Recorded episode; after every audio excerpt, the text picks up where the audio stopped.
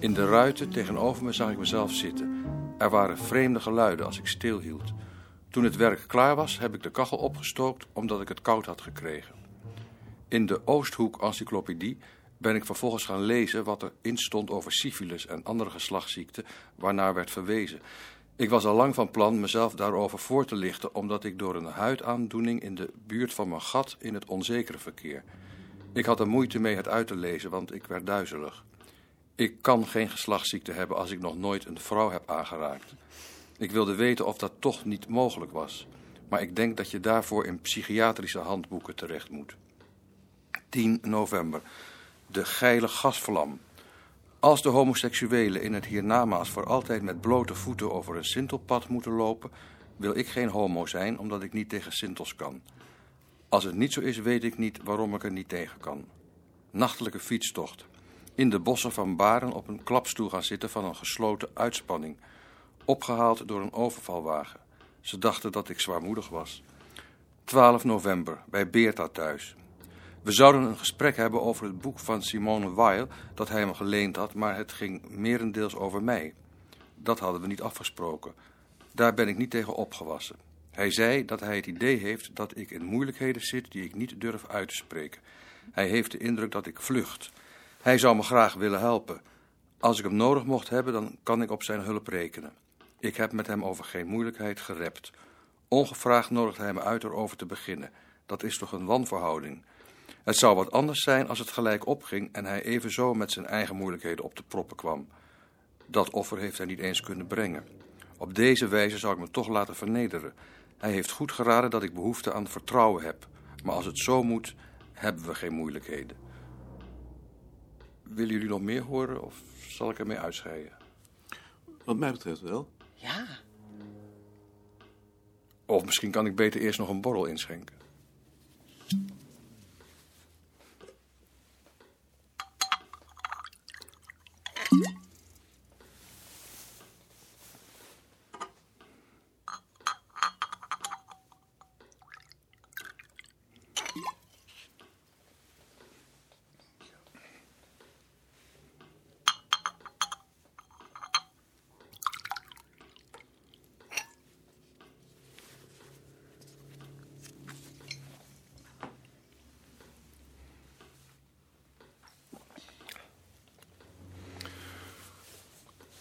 Wat vinden jullie daarvan?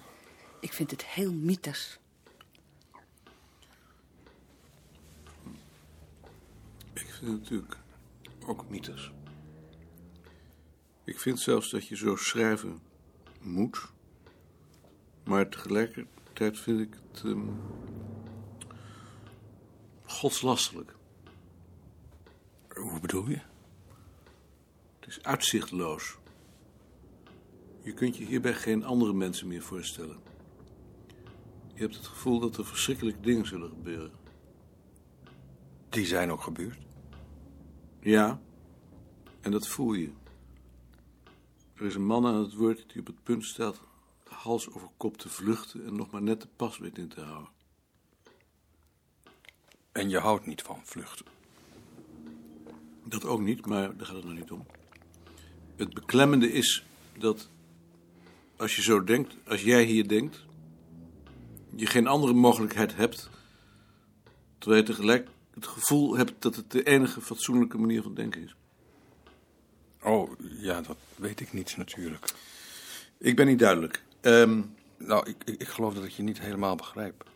ehm, op zo'n congres bijvoorbeeld, dan voel ik me doodongelukkig. Ik voel me op het bureau doodongelukkig. Ieder contact is eigenlijk te veel. Daarin verschillen we niet.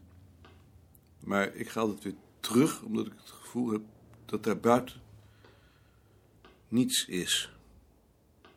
Ik verbeeld me dat er mensen zijn met wie ik wel zou kunnen praten, tegen beter weten in. Die illusie heb jij niet.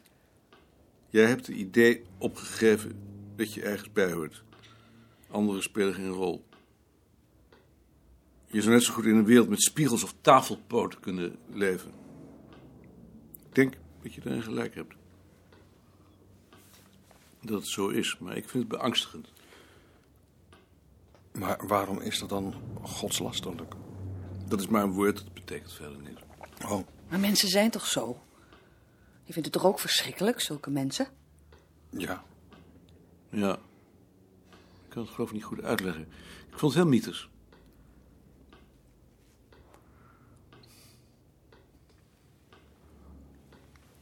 Alles wat jij doet is eenzaamheid. Buiten jezelf is niets. Het is een bunker waarvan de deur is dichtgemetseld. Ja, dat is misschien wel zo. Maar dan begrijp ik toch niet waarom dat g- godslasterlijk zou zijn. Dat is het misschien ook niet.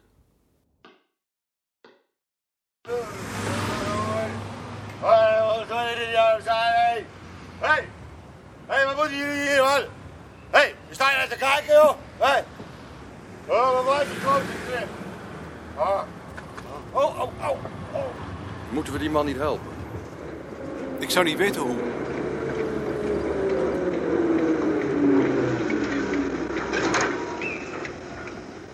Hé! Hé, enkeltje, hè? Enkeltje. Ja, hou dat nou maar bij u. Nou, dag. Dag Frans. Ja. Hé, wat sta je naar te kijken, man? Hé, Kun je niet doorlopen, wachtelijke. Waarom zou ik doorlopen? We staan niet te goed. omdat ik door wil lopen. Maar ik wil niet doorlopen. 30 cent voor me. Voor een enkeltje. Hé? Hé.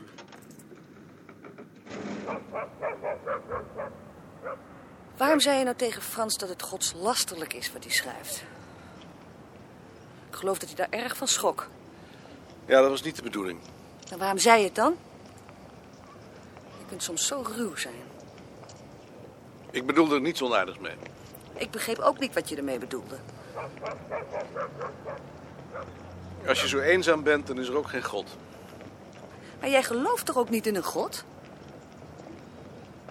Nee, ik vind ook wel dat hij gelijk heeft.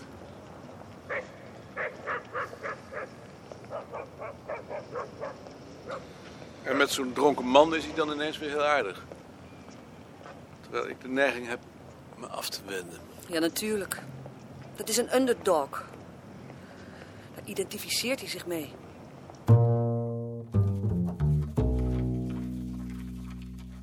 Haast u, haast u, want het leven is kort. Hoe wou je dat dan doen? Ik denk dat ik een vanghok leen, of anders maak ik er een. En dat zet je dan in de tuin? Met een beetje vreten. begrijp niet dat jullie die beesten niet gewoon laten zitten. En maar aan jongen, zeker. Ik vind dat je zoiets aan de natuur zelf moet overlaten. Dat doe jij zelf ook, zeker.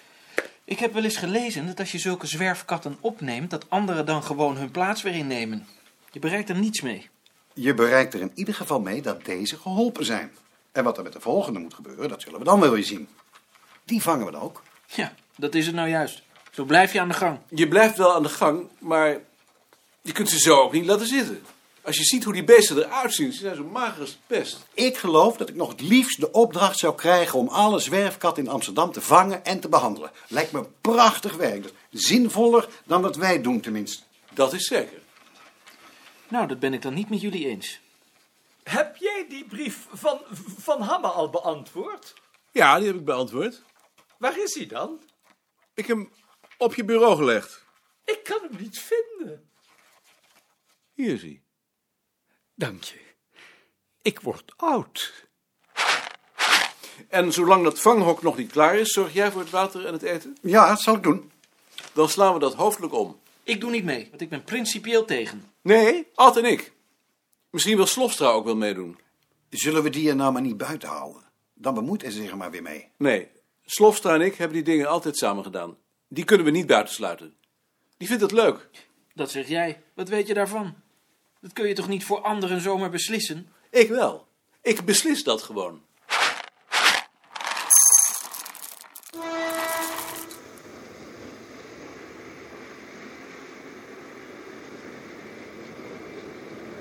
Begrijp jij nou waarom Bart daar zo tegen is? Bart kan er niet tegen als een probleem te groot is. Dan ontkent hij het. Ik heb dat zelf ook wel, maar niet zo extreem. Het is een vorm van bijziendheid. Bart kan alleen leven met heel kleine problemen die hij kan overzien en waarvan hij ook weet kwestie kan oplossen. En ik dan? Hoe is dat dan met mij, denk je? Bij jou is het anders.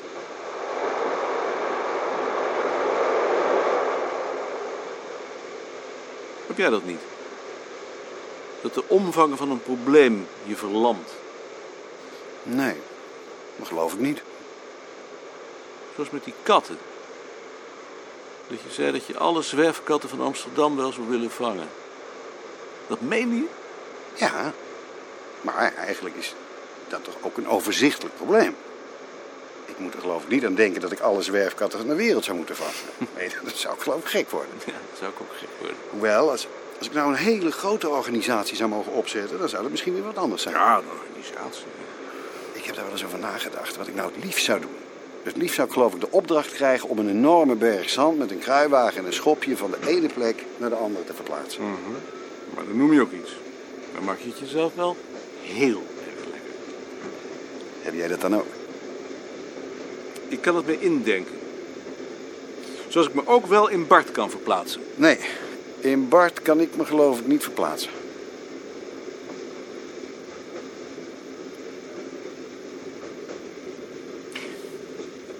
Hier kom ik vandaan. Ik dacht altijd dat jij uit Den Haag kwam. Mijn ouders komen hier vandaan. Elke keer dat ik hier kom, heb ik het gevoel dat ik thuis kom. Dat heb ik geloof ik als ik weer in Amsterdam kom als ik een tijdje weg geweest ben. Komen je ouders dan niet uit Indië? Nee? Waarom? Ik heb altijd gedacht dat je Indisch bloed had.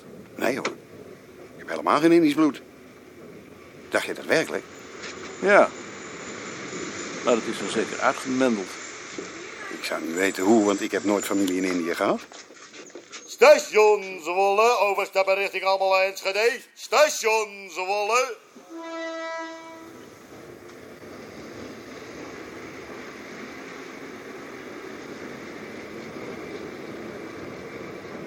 Direct komen we langs het huis van mijn grootvader.